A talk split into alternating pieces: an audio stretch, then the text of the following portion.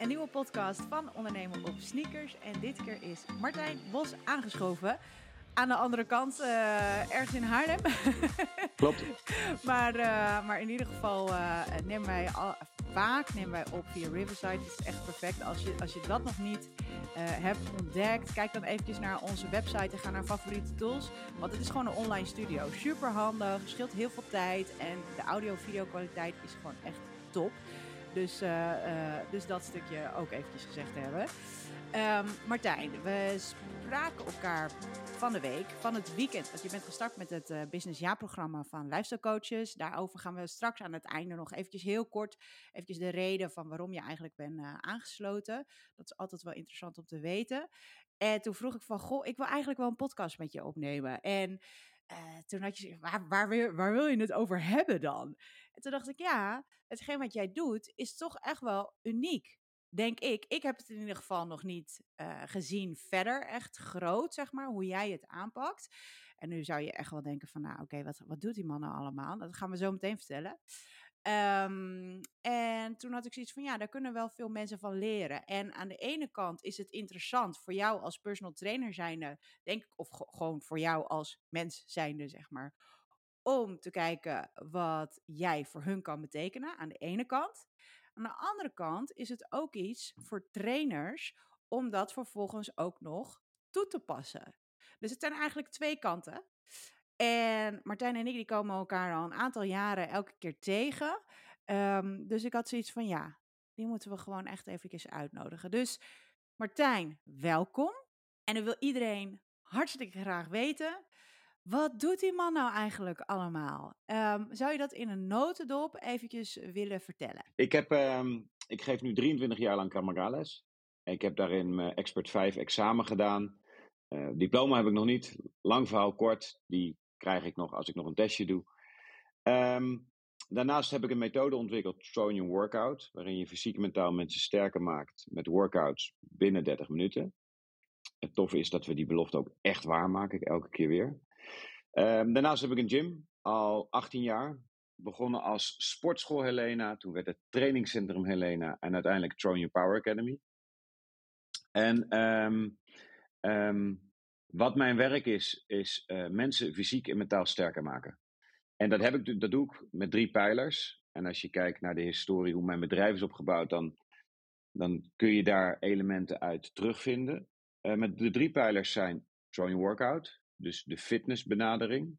Alleen dan op een, um, vanuit mijn optiek, manier waarbij je dus en fysiek en mentaal sterker wordt. Um, het tweede is Krav Maga, zelfverdediging. En het derde is coaching. Een coach is in feite de begeleiding, zodat je het leven snapt en dat je kunt doen wat jij wil. Met de slogan Feel Great, Stand Strong. Dat is mijn werk. Wauw, gaaf. En hoe ben je hierbij gekomen om hiermee aan de slag te gaan?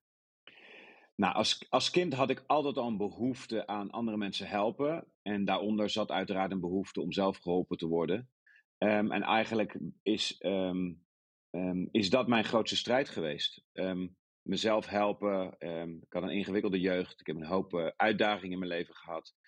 Um, um, om een voorbeeld te geven, ik ben met Kramaga gestart omdat ik veiligheid, mijn veiligheid wilde vergroten. Een hele ruige buurt opgegroeid. Ik heb hoop, hoop uh, te maken gehad met geweld. En zoals iedereen die niet op vechtsport mocht, zoals ik, die gaat dan naar Bruce Lee kijken en naar Jackie Chan en die haalt daar zijn ideetjes uit. Ik had hele eigen vechtsporten bedacht. En de filosofie was daar eigenlijk al tweeledig. Enerzijds, ik ga kijken of het voor mij werkt. En ik ga kijken of ik anderen ermee kan helpen. En waar dat dan precies vandaan gekomen is, weet ik niet. Mijn moeder was altijd heel ernstig ziek, maar hielp altijd anderen. Dus misschien heb ik dat een soort van onbewust meegekregen. Um, maar uh, um, um, Vervolgens, mijn moeder is overleden toen ik 14 was. Daarna let er eigenlijk niemand meer op mij. Dus toen ging ik vechtsporten doen, wat ik altijd nooit, nooit mocht. Dus kickboksen, karate, uh, kung fu. Uh, ik, ik ben op een gegeven moment in de kooi gaan vechten en, en het MMA. Ehm, alleen wat me structureel dwars zat, was ja, ik ben wel aan het sporten, maar dit is geen werkelijke investering in mijn leven. Zo zag ik dat. Veiligheid vergroten doe je niet met handschoenen aan tegen een tegenstander die ongeveer even sterk is en waarbij je weet wanneer het gevecht begint. het zat me dwars, ik had geen oplossing. En op een gegeven moment zat ik op Eurosport te kijken en toen zag ik een demonstratie van Krav Maga. En daar zag je een gast vechten tegen meerdere tegenstanders, vechten tegen wapens, vechten vanuit een zittende positie. En dat is me bijgebleven. En ehm, ik was net begonnen op de sportacademie. En opeens werd daar een workshop aangeboden, Krav Maga. Nou, ik ben de eerste les naartoe gegaan, ik ben nooit meer gestopt. Dit was 23, 24 jaar geleden. Wauw. En wat, wat is hetgeen wat je er uh, voornamelijk uit hebt gehaald voor jezelf? Uh, in de beginnen was dat, um, dat dit het antwoord was op mijn vraagstukken. Dat hiermee, dit is niet een wedstrijd winnen, dit is je veiligheid vergroten. Bij Kramaga praat je over leven en dood. Over of, en dat zijn natuurlijk twee uitersten, maar daarbinnen is een heel framework. En dat is wat anders dan dat je voorbereidt voor een wedstrijd met duidelijke regels. En ja, winnen of verliezen, die veiligheid blijft beperkt. Of uh, is beperkt in, uh, beperkt in het geding. Dit was anders. Um, dus in eerste instantie spreken, sprak het me aan van, goh, ik zou me veiliger willen voelen, ik wil mezelf kunnen verdedigen.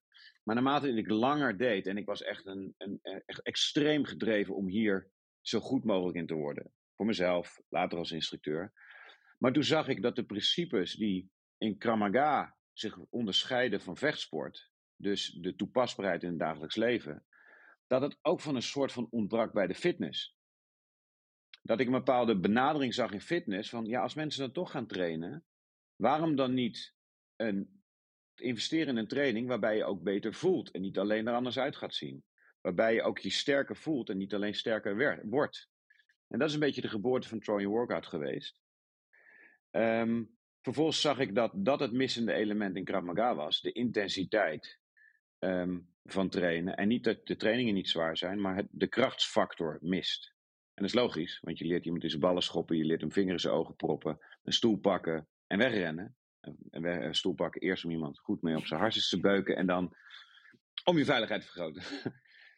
maar uh, de krachtsfactor, het leren kennen van je lichaam, ja, in feite ontbrak dat ook een beetje. Dus ik heb dingen samengevoegd. Mm -hmm. um, en dat was, dat was de geboorte van mijn methodiek en die ben ik vervolgens gaan testen.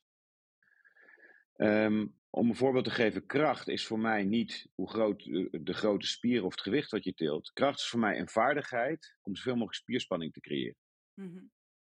En um, om, omdat het een vaardigheid is, kun je voor jezelf, zonder je te vergelijken met een ander, dat trainen en het resultaat merken. Dus dat is voor mij een belangrijk component geworden in de methodiek om steeds sterker te worden. Fysieke kracht is het vermogen om je spierspanning te vergroten. En mentale kracht is het vermogen om je in elke situatie goed te kunnen voelen. Of uh, laat ik het anders zeggen, in elke situatie je emoties te kunnen kiezen. Oké, je emoties te kunnen kiezen. Daar, daar, daar wil ik eventjes wat dieper op ingaan. Dat vind ik ja. interessant. Hoe, hoe kies je je emoties? Ik, weet je als ik, als ik kijk naar mezelf kijk, dan weet ik wel dat emoties, zeg maar, weet je, die, die komen en gaan. Een gevoel dat komt en gaat. En, en hoeft eigenlijk maar een paar seconden te duren. En dan besluit je een soort van zelf um, of je daarin blijft hangen of niet. Weet je, dat, dat is niet. Ja. Dat is niet een uur aanwezig. Dat is echt, echt, volgens mij is het echt maar een paar minuten of een paar seconden zelfs. Uh, en dan, ja, dan ga je daar iets mee doen of niet. Mm -hmm. Hoe, hoe vertaal je dit, zeg maar, naar dat je zelf je emoties kan kiezen? Ja. Nou, allereerst, uh, wat jij noemt, dat klopt. En dat is in feite het leren managen van je emoties. Mm -hmm. Wat je niet wil ze onderdrukken. Je wil ze sturen. Soms zijn ze wat mens wenselijk, soms zijn ze wat minder wenselijk. Maar daarnaast zit er in je emotie altijd een boodschap, maar zelden wat die lijkt te vertellen. Uh, om een voorbeeld te geven, als je bepaalde angst ergens voor hebt, is dat een beschermingsmechanisme. En dat is heel handig, want als je op een hoogte staat en je voelt angst, dan is dat omdat je niet meer beneden wil vallen. En dan beschermt die emotie je. Maar als je bijvoorbeeld kijkt naar, ik wil een succesvolle ondernemer worden, maar ik voel angst in mezelf zichtbaar maken op internet bijvoorbeeld, of um, je vindt het spannend om voor groepen te praten, dan vertelt die angst dat je je wat beschermt. Als je op dat moment de vaardigheid leert om in gesprek te gaan met die emotie en eigenlijk te leren snappen wat je echt vertelt, Dan creëer je dus een bewustwording. Dat is een onderdeel van het proces. En dan kun je kiezen. En het kiezen maakt de mens uniek. Wij kunnen onze emotie tot op zekere hoogte, zeker als je daar een vaardigheid in ontwikkelt, kiezen. Kijk, als een hond jou stom vindt, gaat hij blaffen. Een hond kan niet doen alsof hij je aardig vindt, terwijl hij dat niet kan. Nee, daar, wij, wij zijn daar als mensen dus juist uniek in. Precies. Ja. We hebben een prefrontale cortex, en dat is het gedeelte aan de voorkant van je hersenen waarmee je keuzes kunt maken en in feite emoties kunt sturen. Um, als je. Um, kijk, mijn hele werk draait uiteindelijk om jezelf beter te leren kennen. Nou, waarom wil je dat? Dan, dan heb je de vrijheid om te kiezen wat je wil. Dan word je niet gedreven door gedachten die vaak voortkomen uit um, bijvoorbeeld negatieve ervaringen, um, negatieve effect van andere mensen om je heen. Um, en het uh, vermogen om vanuit vrijheid te kunnen handelen, maakt je dus fysiek en mentaal sterker. Mm. En als, als we dit vertalen, zeg maar, uh, nog op bijvoorbeeld hè, de personal trainers en coaches, die luisteren hier naar. Die, die zijn in de meeste gevallen beginnen ze net voor zichzelf. Dan zijn er altijd wel bepaalde emoties, blokkades of dingetjes waar ze tegenaan lopen. Wa wat hun weerhoudt om X, Y, Z te doen. Wat ze eigenlijk wel zouden moeten doen, omdat het behoort tot de noodzakelijke vereiste acties. Om te kunnen groeien. Ja. Um, hoe kunnen zij daar ja, bewust van worden. Dat, ik denk dat dat, weet je wel, dat, dat dat de meest belangrijke stap is. En dat zie ik dan zelf, zeg maar, als ik aan het coachen ben. Um, ik wil, of mijn doel is, dat mensen bewust worden van wat ze doen met hun lichaam, wat ze voelen. Dat, dat is wat ik wil. Dus het is ja. niet dat ik simpel een oefening voordoe en dat ze het gaan doen. Nee, ik wil dat ze met een bepaalde um, intentie een workout gaan doen of een bepaalde reeks oefeningen gaan doen. Dat is wat ik wil.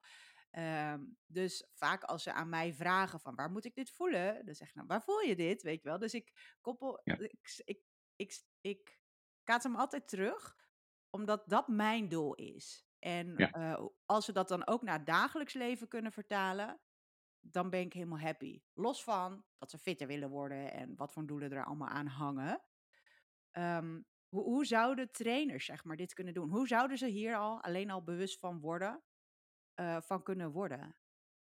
Nou, een mooi voorbeeld. We hebben in Trojan Rocket hebben we de Trojan Pose. Mm -hmm. En Trojan Pose is een isometrische contractie. Het is een oefening waarbij je uh, vanuit je anatomische houding, dus rechtop staat, zoveel mogelijk spierspanning probeert te creëren.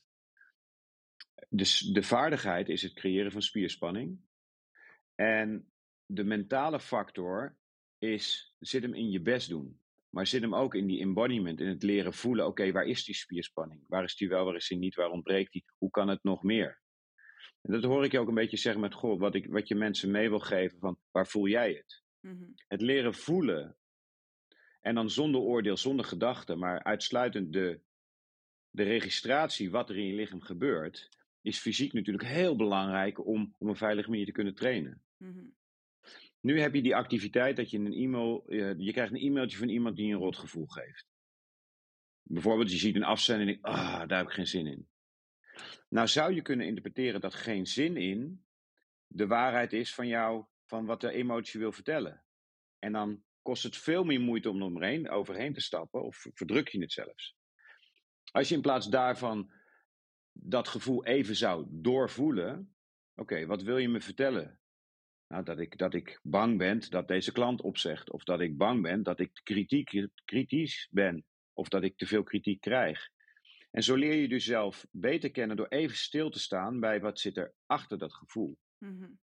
Als je daar een gewoonte van maakt, net zo goed als dat je niet een squat met 100 kilo op je rug en van ja, uh, gewoon zakken, maar eerst waar is mijn balans? Zijn mijn grote tenen aan de grond? Start ik met een hip hinge? Is mijn buik er gespannen? Die, die lichaamsbewustwording, dat kun je dus ook trainen in je emoties. Ja. En een van mijn persoonlijke ergernissen is dat als mensen zeggen van ja, ik doe een training waarbij ik mensen fysiek en mentaal sterker maak. En dan begin je over mentaal en dan zeg ik doorzettingsvermogen. Terwijl in mijn training merk ik net zo vaak dat mensen dat stapje extra moeten zetten door leren die intensiteit te ervaren. Als het mensen zeggen oké, okay, stop.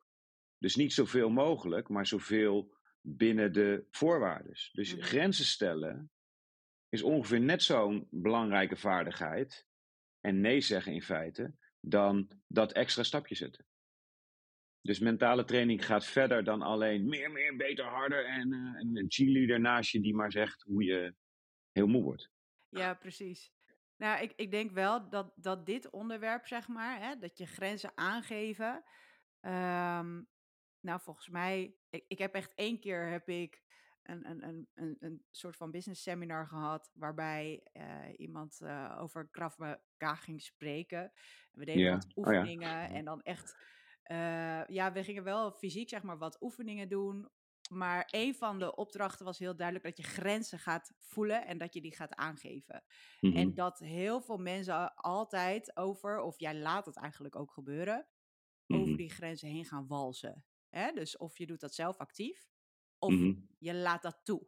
Doordat ja. andere mensen, zeg maar, die ruimte krijgen. En jij dat gewoon, gewoon toegeeft, zeg maar. Of, of in ieder geval daarin meebeweegt. Uh, waarom vertel ik dit nou? Uh, oh ja, ik denk dat dit wel een onderwerp is wat de laatste jaren over grenzen stellen, aangeven, dat dat wat meer in de sport voorkomt. Zeg ik dat goed? Zie jij dat ook? Niet alleen maar rammen, Uh, rammen, rammen en doorgaan en meer. En, ja. Maar ook veel meer, tenminste dat, dat is bij mij ook persoonlijk zo. Weet je wel, ik heb een burn-out gehad. Ja, nou, dan leer je wel Ja, ook ja, grenzen aan te geven, weet je wel. Waarvan je helemaal niet dacht of wist dat je ze überhaupt had. En nu zijn ze er heel duidelijk. ja. Ja, nou, dat denk ik ook. Ik denk wat nog een beetje ontbreekt, en dat is ook gelijk de boodschap die ik heb voor, voor collega's, voor trainers, is het de verbinding aangaan met jezelf. De, de, er zijn geen standaard richtlijnen daarin. Het is. ehm, ehm, ik ging even van een gedachte, oh, dat wil ik ook vertellen, maar. Ehm, er zijn geen standaard richtlijnen. Het is wat kun je op dit moment geven. Dus een, eh, mensen die in een burn-out terechtkomen, die zijn heel goed in één kwaliteit. In de gaan en meer en beter en harder. Alleen dan word je op een gegeven moment, dan leef je in je hoofd. En dan zijn het de beslissingen waarvan je denkt dat die kloppen. En de beslissingen of de, de, de regels die je meekrijgt, die niet meer persoonlijk zijn. Mhm. Dus eh, je mailbox moet leeg, ehm, je moet zoveel omzetten, je moet zoveel klanten aanspreken. En hoe gaat het dan met jou? Eh, wat ik bijvoorbeeld in Tronian doe, eh, workout doe, is ik werk met MICE. MICE, dat, dat is een afkorting. Mijn boek is ooit in Amerika uitgegeven, dus daarom in- is het in het Engels. Mental Effort Intensity Skill. Mhm. En daarmee bepaal je bij aanvang van je workout hoe je erbij staat. Dus heb jij net, ben je van huis gegaan en heb je ruzie met je partner gehad? Of heb je gisteren heb je slecht geslapen of heb je gezopen? Of ehm, ja, was het de dag dat je wel die zak M&M's leeg mocht eten? Het is telkens de mentale staat die voor grootste deel bepaalt hoe je fysiek presteert. Mhm. En als je daar aandacht voor krijgt, dat je leert die check-in bij jezelf te doen. Oké, hoe sta ik er vandaag in? En op basis daarvan, hoe kan ik en wat wil ik geven? Dan train je ook in je workout ehm, met de mentale kracht, Mhm. met het grenzen geven en tegelijkertijd. Ik bedoel, je verschijnt wel voor je workout. Dus je, Mhm. je gevechtsbereidheid, zo noem ik dat maar even, die is er. Je bereidheid om te strijden, om het ongemakkelijk te maken, dat is er. En daarbinnen jezelf beter leren kennen. En steeds per moment leren bepalen: oké, ik sta op dit moment er zo in, dus ik geef op die manier. eh put ik maar effort erin? Doe, doe ik daar moeite voor?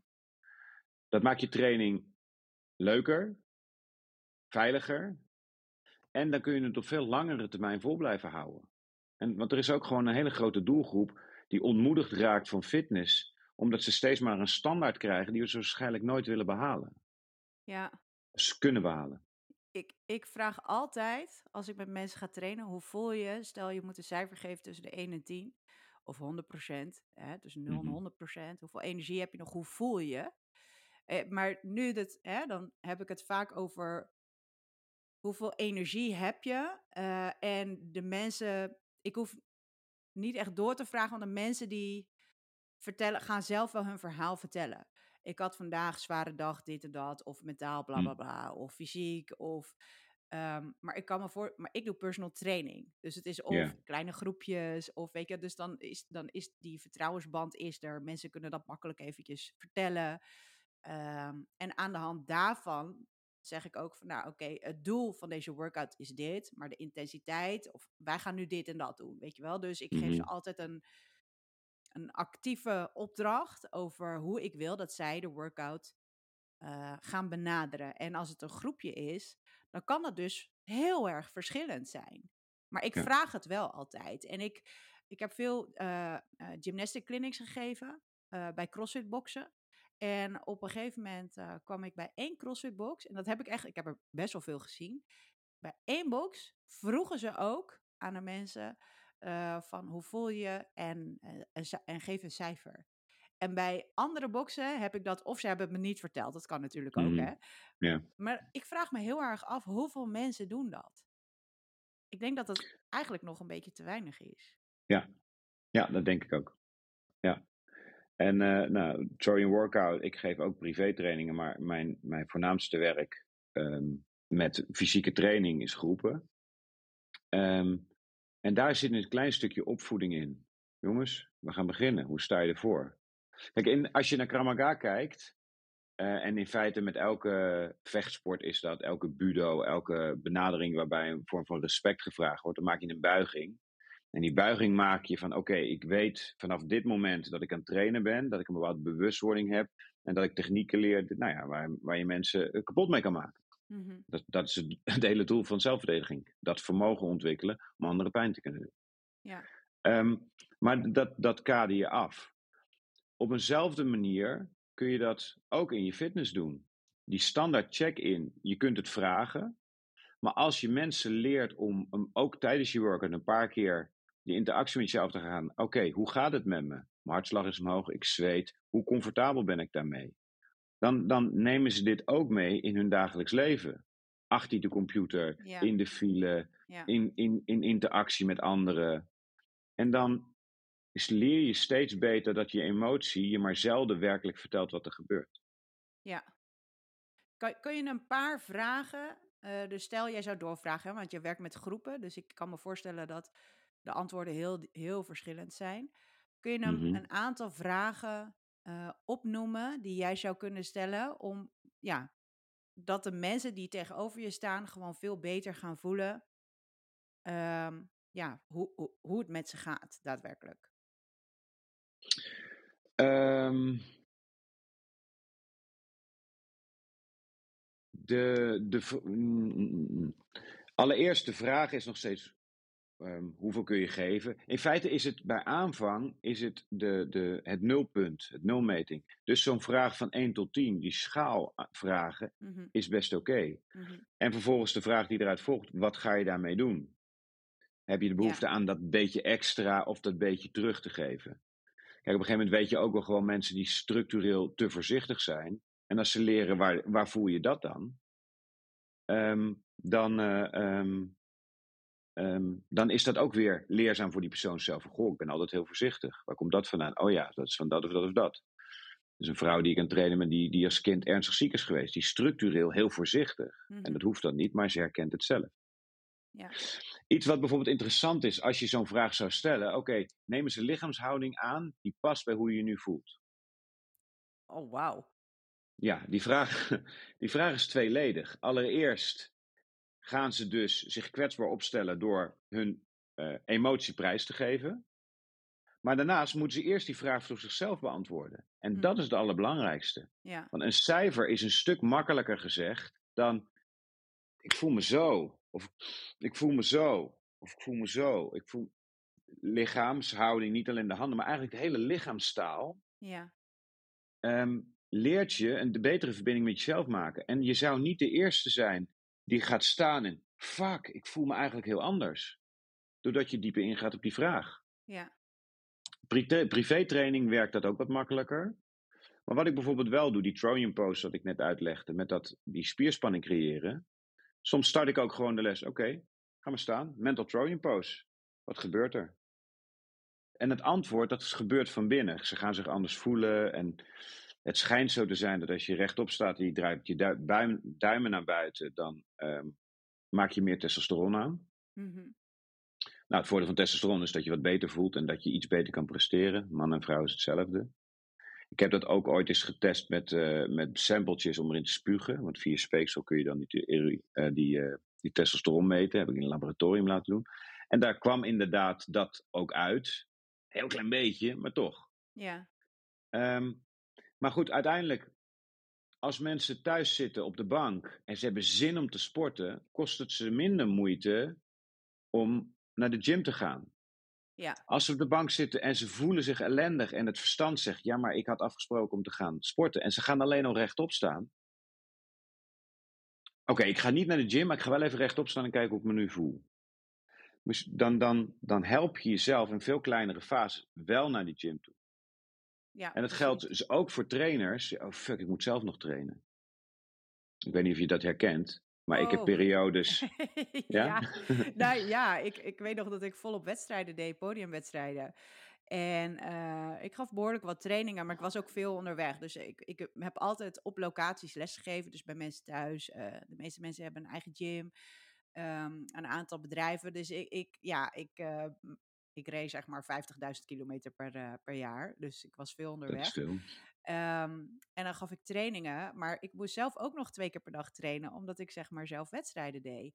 En die ochtendtraining die ging altijd wel, maar dat was gewoon puur routine. Dat is eigenlijk gewoon hup opstaan, op mijn fiets stappen of naar buiten toe om hard te lopen. Weet je, dat was, Hm. dat, daar dacht ik niet eens over na. Dat Nee, gebeurde precies. gewoon. Dan Ja. kost het geen energie. Ja. En, ehm, maar om dan s'avonds, of, of eind van de middag, s'avonds zeg maar, om dan nog zelf te gaan trainen. Op een gegeven moment lukte me dat gewoon niet meer. Ehm, ook al had ik al die wedstrijden, op een gegeven moment heb ik gewoon zelf een personal trainer in handen genomen en, en ben ik daarmee gaan trainen. En dan heb je die afspraak, dus dan ga je sowieso wel.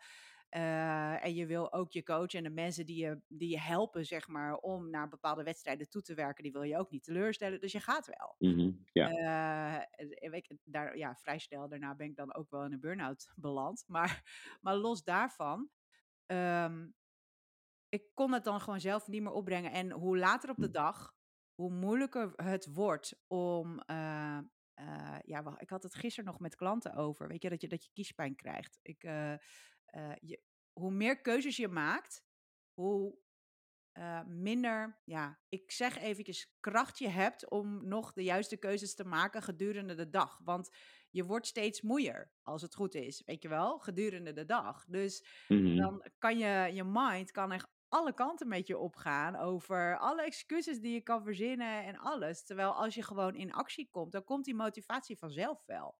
Ja. Dus gewoon in beweging komen. Maar ja, die keuzes maken eh, en, en dan gaan nadenken en ja, dan, dan gaat het eigenlijk fout. Terwijl je wel, en dat is dan weer lastig, eh, moet gaan inchecken bij jezelf. Oké, is dit een moment voor mij dat ik, eh, hoeveel moet ik gaan geven? Of moet ik gewoon even een rondje wandelen? Of weet je, wel, dat kan ik Ja. nu allemaal wel, maar dat heb ik ook moeten leren. Want voorheen was het gewoon gas en gaan. Ja. Ja. ja, ik denk dat dat ook wel een heel interessant is. Ik bedoel, je podcast, daar luisteren een hoop trainers. Het gegeven dat het ook, je, je vertelt andere mensen wat ze moeten doen. Maar je bent ook geen robot. De realisatie dat je zelf ook gewoon geen zin hebt om af en toe te trainen. Dat je periodes heel erg gedachtegedreven bent. Ik heb er zin in, het gaat goed, mijn progressie stijgt. Heel verslavend. Aan de andere kant, ik moet weer. Ja, En, en op dat moment je verzetten tegen de emotie. Ja, maar ik ben een professional, ik moet het kunnen. Is weer die harde kant. Terwijl de mildere kant vaak veel effectiever is. ja, En dat is weer ook weer. Als je, ehm, dit, dit heb ik gemerkt bij heel veel van mijn mensen die dan naar de groep komen, groepslessen komen, dus niet een echte afspraak hebben. Als zij geen zin hebben en ze zeggen: Oké, ik ga voor 50% mijn best doen, gaan ze alsnog. mhm, Dat helpt. Want vaak zien ze op en is het heel zwart-wit. Oh, ik ga zo moe worden, ik ga weer spierpijn hebben en ik kan ook niet en ik ben snotterig. En... Terwijl je kan ook gewoon trainen en voor 50% je best doen. ja. Ja, en dat, maar dat is denk ik wat mensen heel erg moeilijk vinden, om, omdat ze het heel erg zwart-wit zien, inderdaad. En Ja. including me, nu niet meer. Want ik heb Mhm. geleerd om beter naar mijn lichaam te luisteren, want anders ga ik weer om. En sterker nog, ik kan nu niet anders en ik wil ook niet meer anders. Dus weet je, als ik ehm, ik, ik geef dat advies ook gewoon aan mensen, weet je wel. Ik, uh, ik applaudisseer nog net niet op het moment dat ik weet dat mensen het zwaar hebben en toch op zijn komen dagen voor de training. En dan gaan Ja. we gewoon lekker een beetje cruisen, er doorheen cruisen, weet je wel, wat voel. En dan gaan we gewoon, eh, ja, ik noem het er meer een beetje work-in. Dat ze er een beetje energie van krijgen. Dat ze met een trots voldaan gevoel de les uitgaan. Dat is dan zeg maar mijn doel. Ongeacht van hoe zij zich voelden. Het is Ja. altijd beter om wel in beweging te blijven en de intensiteit aan te passen, dan het helemaal niet te doen. Precies, ja. Kijk, mensen zeggen wel eens, ja, je bent een mindset coach. Maar mindset is eigenlijk een heel verkeerd woord. Mhm. Want een mind is never set. Het vermogen om een unset mind te kunnen managen is veel belangrijker dan harde. Ja, En wat je zult merken, jij zegt er straks, ja, ik ging 's ochtends dat, roet, dat, dat hardlopen was, een- was vanzelfsprekend. Dat kost, geen energie omdat het een routine is. Die heb je ingebouwd en daar zit geen keuzemoment in. Dat is vanzelfsprekend. Je hoeft er ook niet over na te denken als je uit je bed stapt, welk been je eerst in je broek doet bijvoorbeeld. Of met welke hand je naar het lichtknopje gaat. Daar denk je niet over na, kost geen energie, is vanzelfsprekend. En zo ontwikkel je dus bepaalde gewoontes. Dus met workout ook. Zodra er een keuzemoment in zit, wordt dat lastiger. ja, En dan jezelf steeds beter leren kennen. Goh, wat helpt me? En ehm, hoe komt het dat ik nu meer weerstand voel dan anders? mhm, Dat is, dat is veel, ja, het klinkt misschien een beetje soft, maar het is veel liefdevoller naar jezelf toe. Maar op lange termijn geloof ik er echt in, en dat zeg ik als Krav Maga-expert, die liefdevolle aanpak werkt echt beter dan die harde aanpak. ja, precies. Nou, en nou, nou zijn er denk ik trainers, dat vul ik dan eventjes in, want ik kan me dat zelf ook wel indenken. Kijk, wij zijn allemaal helemaal fanatiek. En wij vinden het helemaal geweldig. En eh, in de meeste gevallen moeten wij als trainer fanatiek, want we zijn vaak vanuit de passie voor de sport, zijn we gestart. En, hè, eh, maar ik denk dat het goed is om te beseffen dat de meeste mensen, zeg maar, het niet leuk vinden, het leuk moeten gaan vinden, vertrouwen moeten krijgen dat ze dingen kunnen. Weet je? Dus het, zij moeten heel veel stappen nemen, zeg maar, mentaal, om uiteindelijk op te komen dagen. Of die intake in te plannen, of hè, dat. Ehm, dus je kan dat niet echt altijd vergelijken, zeg maar, je, je eigen eh, drive met de mensen die je, die je traint. Want anders dan hebben ze vaak jou niet ingeschakeld. Dus even heel zwart-wit, hè? Ja, En nu heb jij het over het liefdevolle. Wat ik heel Ja. goed begrijp, want ik, ik behandel mezelf nu ook veel meer. Ik kan Mhm. echt een verschrikkelijke, nu doe ik dat wat minder, maar mijn self-talk kon echt verschrikkelijk zijn. Ik was de meest Mhm. verschrikkelijke coach voor mezelf in Hm. trainingen. Ik kon mezelf Ja. helemaal naar beneden halen. Dus nu doe ik dat niet meer. Of in ieder geval veel minder. Nu ben ik er bewust van ook. Mhm. En dan denk Ja. ik, nou, ik ga, ik ga mezelf gewoon coachen zoals ik engelen geduld heb met de mensen die ik train. Maar dan kan ik me voorstellen dat, ehm, eh, dat sommige mensen dat eh, als een soort van ja, troef zien om het dan maar niet te doen. Hè? Dus heel zwart. Eens. Eens. Eh, en de vraag is, wil je daar naar luisteren? Ja, Want da- als, je, als je dat mensen leert, dat geen zin hebben ook een emotie is die Mhm. iets wil vertellen. Geen zin, wat zit er vaak onder? Ik ben bang dat ik faal. Ik ben niet de moeite waard. En ik wil niet te diep ingaan nu, maar dat hoeft ook niet. Aan de oppervlakte bespeuren, ik heb geen zin. Een, simpel, ehm, een simpele techniek. Op het moment dat je ergens tegenaan loopt, van ik heb geen zin om te trainen, en je stelt jezelf de simpele vraag: wil ik deze emotie? Als het antwoord nee is, snap je gelijk hoe het leven werkt. En weet je dat er een onderliggende angst, pijn, schaamte of schuld achter zit die Mhm. jou belemmert. En dan kun je dus kiezen: oké, kies ik voor schuld, schaamte of angst? Of kies ik voor succes? Dat kan soms al hele realisaties geven. ja.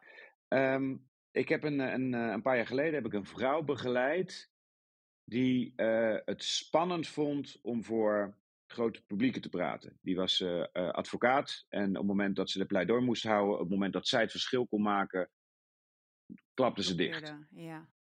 En ik vroeg, wanneer is nou het moment dat jij de meeste spanning ervaart? Ze zegt, ja, vaak al dagen voordat ik op moet. Ik zeg, maar dan heb jij geen angst voor optreden in, eh, voor een groep. Dan heb je angstige gedachten over dat doen. die realisatie kwam vrij snel. Dat ze dacht, ja, wacht eens even. Ik, ik, heb nu weerstand, maar ik, ik sta nog niet voor de groep. Of terug naar de sporter. Ik heb nu die weerstand, maar ik ben nog niet aan het trainen. Dus wat er dan overblijft, is angstige geda- gedachten Mhm. overtrainen. En die realisatie kan heel erg helpen om te snappen hoe het leven werkt. En van, hé, maar ik kan met tegenzin het nog steeds doen. Ja. En kleine stapjes, dat, is, dat werkt echt dan heel goed. Zoiets simpels als even in een sterke houding staan. Eventjes een muziekje aan. Ehm, even iemand bellen. Ehm, als je 's ochtends wil gaan sporten, zet je 's avonds je sportschoenen naast je bed. Het zijn die kleine momentums die, in, die je helpen uit die gedachten te Ja. komen. En op lange termijn is dat veel effectiever. En dan zie je weer dat mentaal bepaalt het fysiek zoveel meer dan omgekeerd. ja. Ja, dat, dat, dat is toch over het algemeen ook wel bekend, zeg maar. Dat je mentaal, want anders kom je fysiek niet in actie. Ik dus dat. Nee. eh, Oké, ik vind dit wel een soort van mooie afronding voor, voor het mentale gedeelte. Eh, wat we, Ja. Ik denk dat we hier nog heel lang over kunnen praten, maar het gaat eigenlijk eventjes om de kennismaking, denk ik, wat interessant is. Mhm. Het, het fysieke gedeelte. Ehm, hoe ziet dat eruit? Wat, wat kan ik me daarbij voorstellen? Nou, Trojan Workout werkt met de Trojan sets. Een Trojan set is een isometrische Mhm. contractie met direct erachteraan een explosieve actie en direct erachteraan wat we noemen een grind.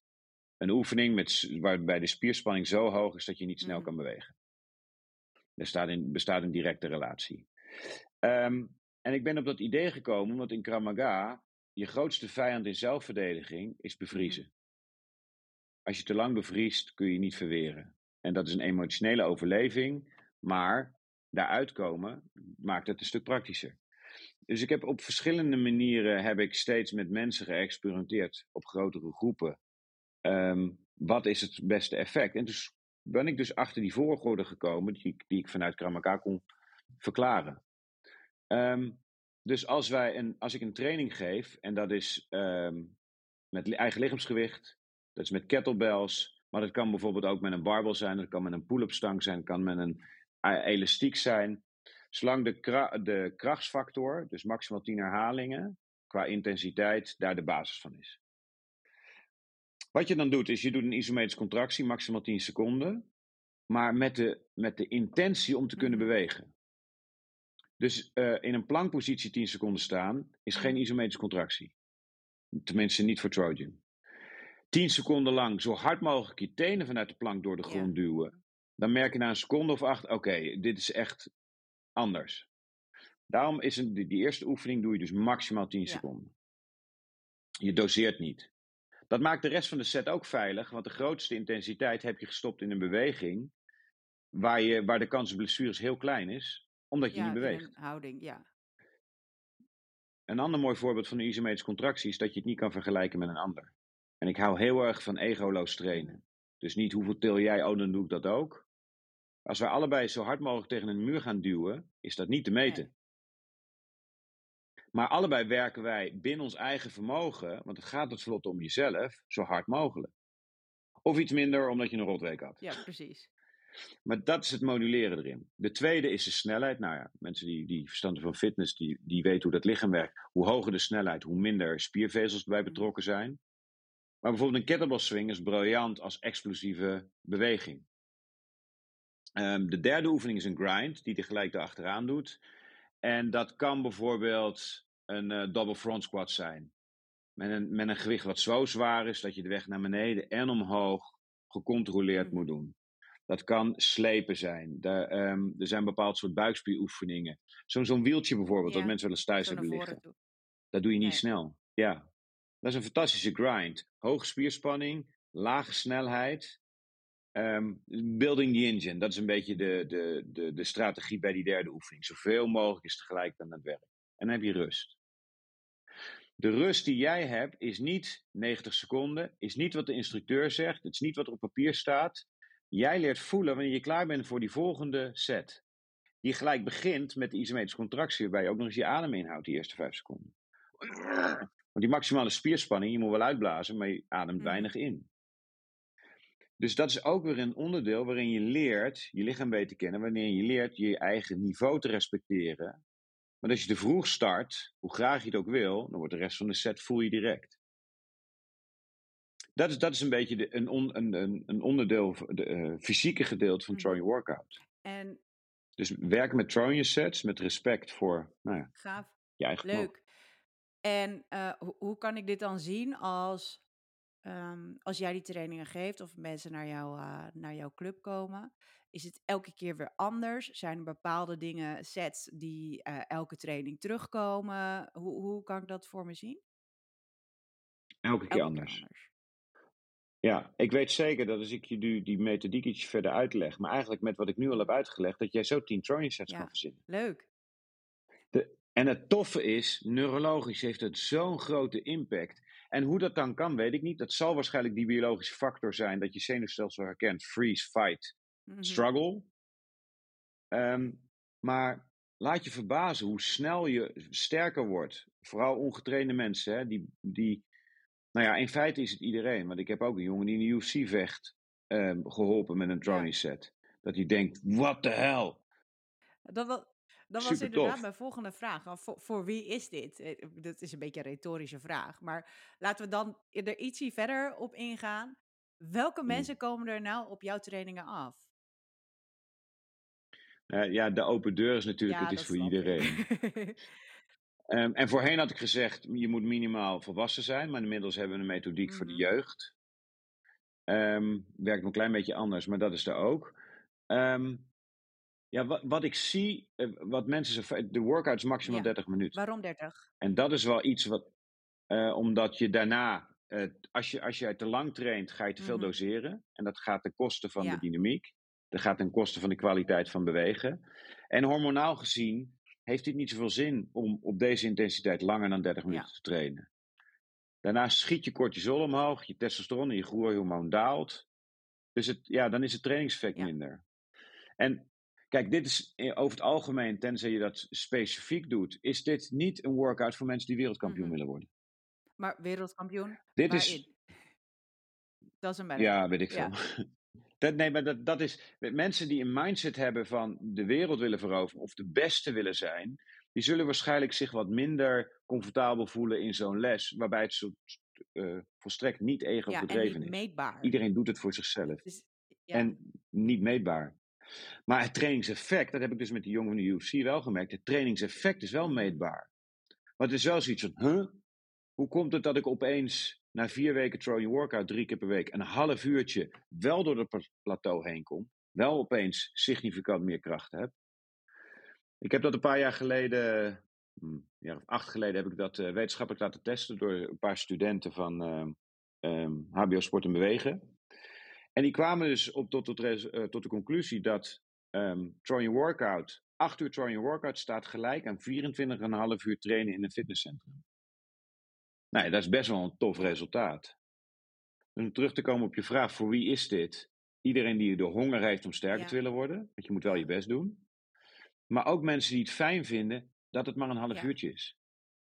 Die gym rats, meer, meer, meer, meer, meer, die zullen zich waarschijnlijk wat minder comfortabel voelen.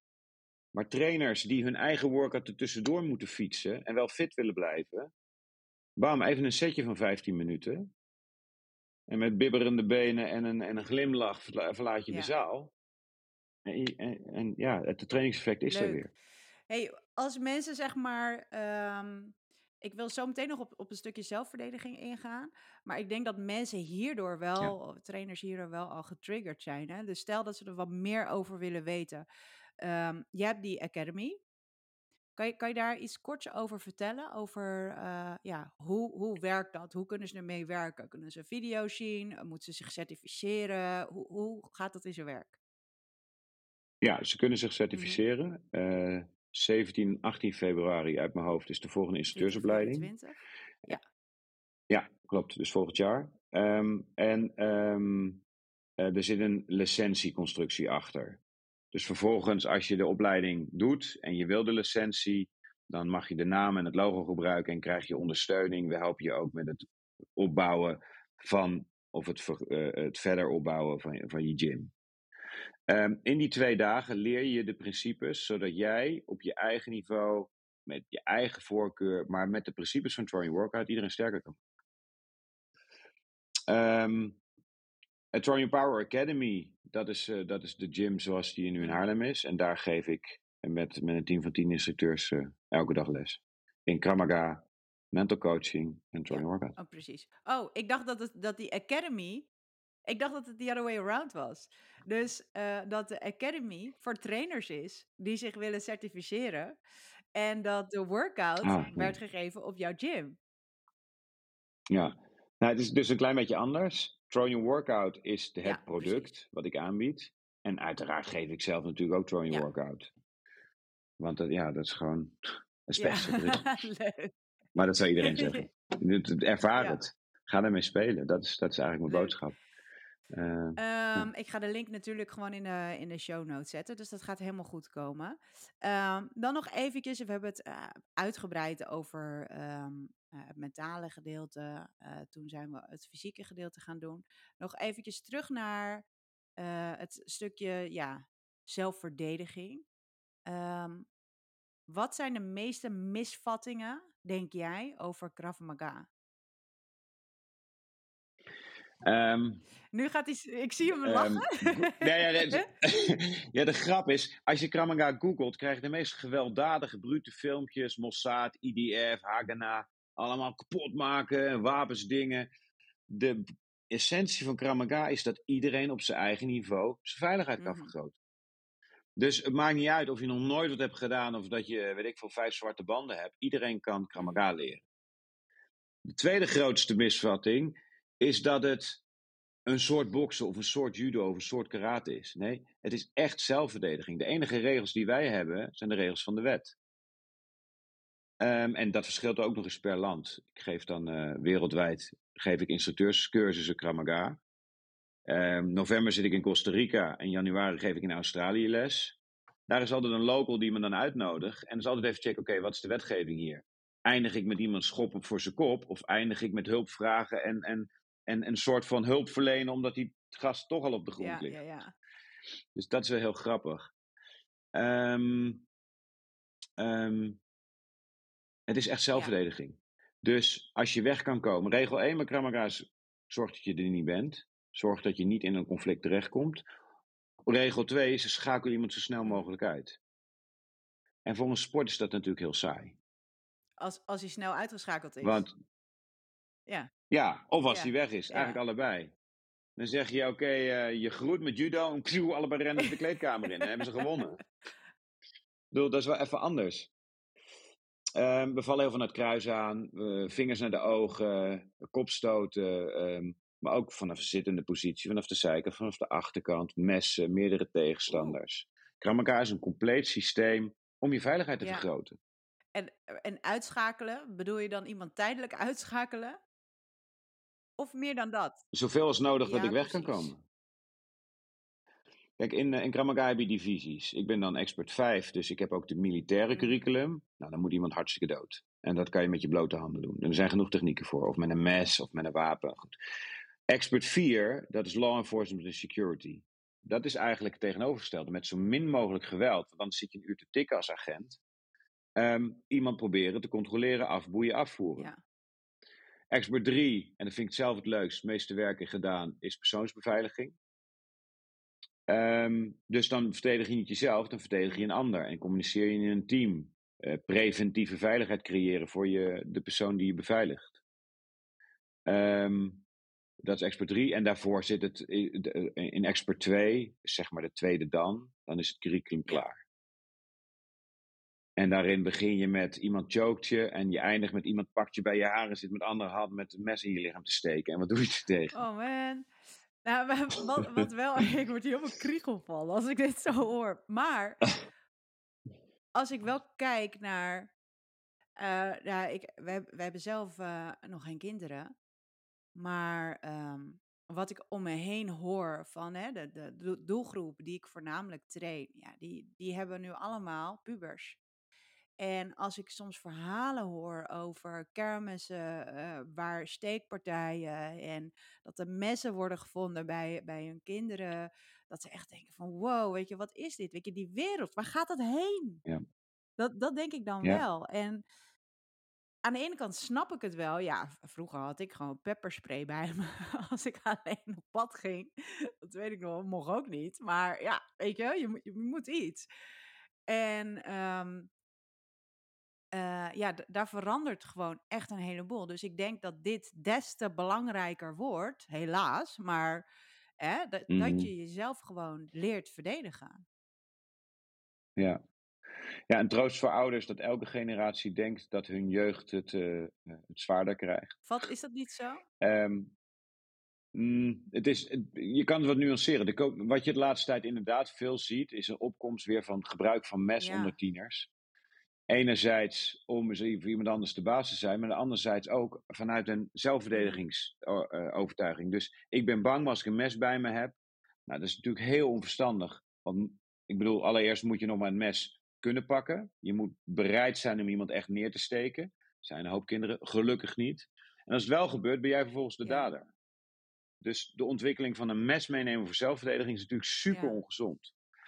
Maar ehm, kijk, geweld is altijd lelijk en altijd oneerlijk. En als je dat ook tieners meegeeft van die gevechtpartijen bij de kermis, ga weg en blijf niet hangen om te kijken hoe het, Mhm. hoe het afloopt. Ehm, als je gaat stappen, zorg ervoor dat je weet hoe je naar huis komt. Dat je wat dat voor dingen preventief al een plannetje hebt. Helpt dat enorm. Als je je bewustzijn vergroot doordat je Kramaga traint, kun je vroegtijdig eh, onrust eh, registreren. En je hebt een hele andere lichaamstaal als je weet wat je moet doen. Dus Kramaga werkt zich ook in dat opzicht door in, in, in het dagelijks leven, in het mentale welzijn. Ja, en als er dan toch wat van komt, dan is het wel, wel fijn dat je weet wat je moet doen. Ja, zeker. Nou, ik, En ook, en ook voor tieners geldt dat. Als ze weten wat ze moeten doen, zijn ze daadkrachtiger in hun handelen. En kunnen ze zich makkelijker veilig ja, stellen. zeker. Nou, ik, ik denk ook, weet je wel, je hele body language te verandert dan ook. Als je weet wat je moet doen. En, ehm, eh, en die energie, die straal je natuurlijk ook gewoon uit. Ik, dus dan zullen veel Ja. minder va- vaak, zeg maar, ja, of, of je, je hebt het gewoon, ja, je bent op eh, ja, verkeerde plaats, verkeerde tijd, weet je wel, dat kan Mm, natuurlijk. Dus dat, mhm. is, dat is gewoon helemaal ruk als dat gebeurt.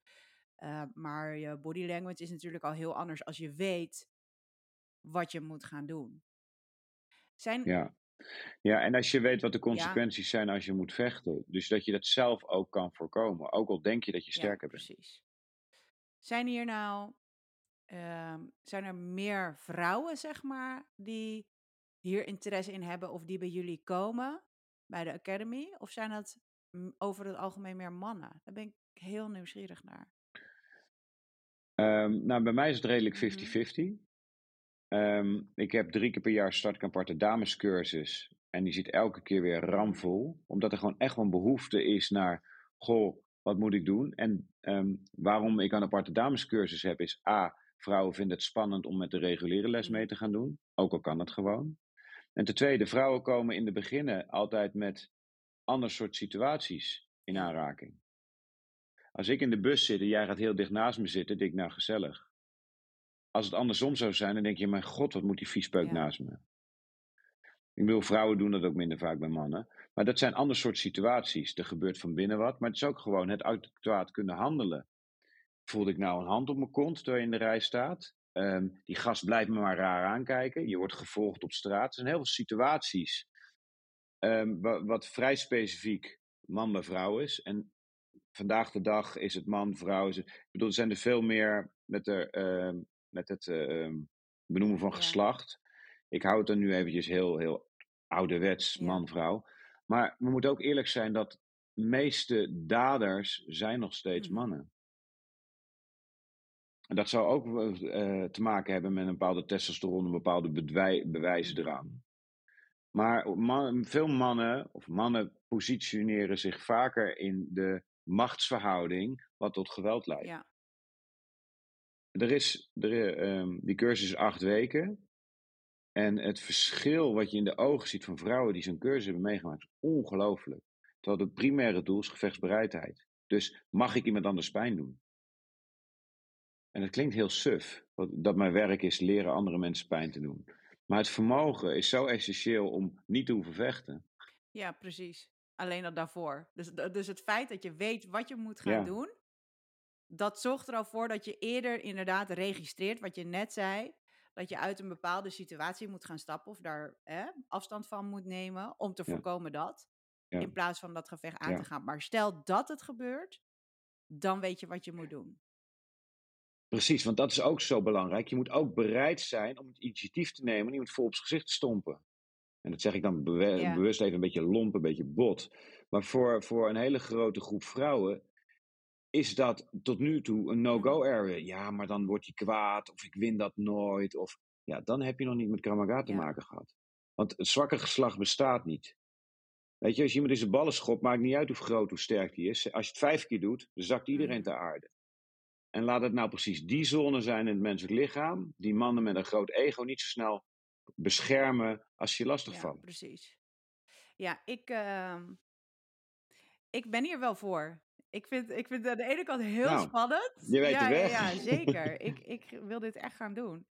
Ik, weet je, ik, ik denk, als ik kijk naar, en dit is eventjes iets heel anders, maar we hadden het toen straks over, weet je wel, hoe voel je en je, je emoties kunnen kiezen. Ik weet nog heel goed dat ik op een gegeven moment uh, een presentatie moest geven voor een professionele voetbalclub. En, uh, en dus de voetballers zelf. En uh, ja, weet je, die, dat, dat, dat zijn af en toe, ik moet een beetje oppassen wat ik zeg, maar af en toe kunnen dat gewoon echt wel van die, van die, van die pubers zijn, van die yogis, dat ik denk, man, man, man, weet je, dit ging over voeding en, uh, en dat soort dingetjes. Dus dan kwam een chickie, die kwam eventjes vertellen over wat zij allemaal aan moesten passen, terwijl zij gewoon betaald werden voor uh, voetbal, weet je wel. Dus, um, ja. En ik kan me nog herinneren, dit was echt net na mijn burn-out periode, dat ik gewoon, dat, dat, het was eigenlijk net te vroeg. Maar ik, ik. Had zoiets van, nou, ik kan die afspraak echt niet verzetten, want dan zijn we weer een paar maanden verder. En toen heb ik gewoon een jurkje, niet kort, maar gewoon, ik heb een jurkje aangetrokken, laarzen, hup, mijn haar netjes. En ik ben gewoon in die autorit, zeg maar, echt mezelf gewoon met een lekker muziekje gaan, gaan oppompen van, hè, ik kan dit, ik ga ze allemaal inpakken, helemaal dat. En toen kwam ik daar en ik heb ze helemaal ingepakt. En, en die mensen die hadden echt zoiets, weet je wel, die coaches en de fysio was erbij, die had echt zoiets van, nou, dat zij zijn blijven zitten. Wie is en deze dat zij zijn blijven luisteren. Dat is echt, weet je wel. Ja. Dus, en ik, ik was ook super, um, uh, super snel met, uh, met reageren, weet je wel. Dus uh, op het moment dat iemand eventjes zo'n zo'n grappige of dubbelzinnige opmerking of wat dan ook, pam, weet je wel, kon ik ze gewoon meteen met woorden alleen mm. al pakken. Uh, of, ze, of gewoon echt zo van, nou ja, joh, hey, we kunnen gewoon alle twee onze tijd voor doen, maar ik heb daar geen zin in. Ik wil jullie iets vertellen. En anders is daar gewoon het gat van de deur, weet je wel. Dus ik stond daar gewoon met, met een attitude dat ik er zelf een beetje van schrok. maar het werkt wel. Terwijl ik me totaal niet zo voelde daarvoor. Weet je, hm. dit was echt een gekozen emotie om, ja. om me zeg maar ja. zo te voelen. En um, ik, omdat ik ook wist dat ik dat kan. Hè? Dus als je terug gaat kijken van, mm. ja, ik weet dat ik me zo kan voelen, of ik weet dat ik, me, dat ik mezelf mm. zo kan presenteren, of wat dan ook, dan is het goed om daar eventjes naar terug te gaan. Maar helemaal hiermee, weet je wel, als jij weet dat je bepaalde dingen kan doen en je zelfvertrouwen, vooral dat denk ik, hè. Dat zelfvertrouwen, ja. dat, dat gaat groeien, dat gaat groeien, dat je weet dat je het vermogen hebt om de controle terug te pakken over de situatie. Ja. Dat je emotie kunt voorspellen. Dat, dat is denk ik waar dit over gaat. Ja. Gaaf man. Ja. Amen. Ja. Dus. Cool. ja, echt. Ga ik, ga, ik, uh, ga ik doen. Ik vind het wel spannend. Ik heb wel meteen zoiets van. Weet je, dan is dat een beetje de wedstrijd atleten in mij. Weet je, dat ik denk van, oh ja. Ik moet, moet het ja. goed doen. ja, ja, ja, moet ik gewoon uitschakelen. Maar ja, ik, uh, ik, uh, ik denk dat, ik dit, uh, dat, dat iedereen dit eigenlijk gewoon heel goed kan gebruiken. Dus uh, ja, als mensen zeg maar interesse hebben in zo'n um, cursus, dan kunnen ze ook gewoon bij jou. Uh, je begint er drie keer per jaar, had je het net over. Is er binnenkort eentje die begint? nee, we zitten nu midden, één, midden in één. En er zijn nu vier lessen geweest, dus dat is zonde om nog aan te sluiten. de volgende begint februari. Check. De volgende Try Workout opleiding begint ook in februari. Ja. Druk februari. En wat ik nog wel heb. Druk in februari. Ja, ja. En wat ik nog wel heb, wat, waar, je, waar nog wel voor aangemeld kan worden, ik heb een, uh, een driedaags training event. Ik heb een, een heel groot huis ergens midden in de bossen in Zweden gevonden. Oh. En um, uh, 27, 28, 90, 29 oktober, dus de laatste week van oktober, is een driedaagse.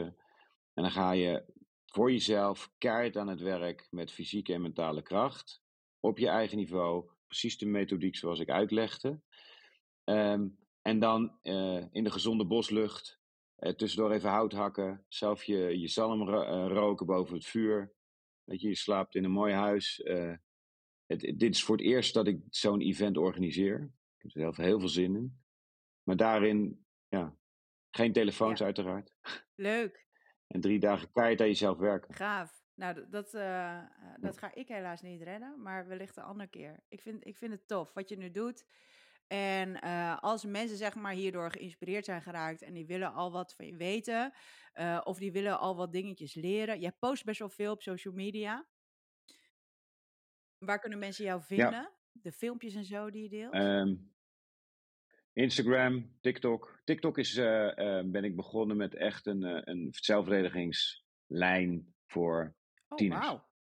Omdat die het meest op TikTok zaten. Dus je ziet heel veel filmpjes. eh, een paar met mijn dochter, een paar met meiden die bij me trainen. En dan leg ik gewoon basisoefeningen uit.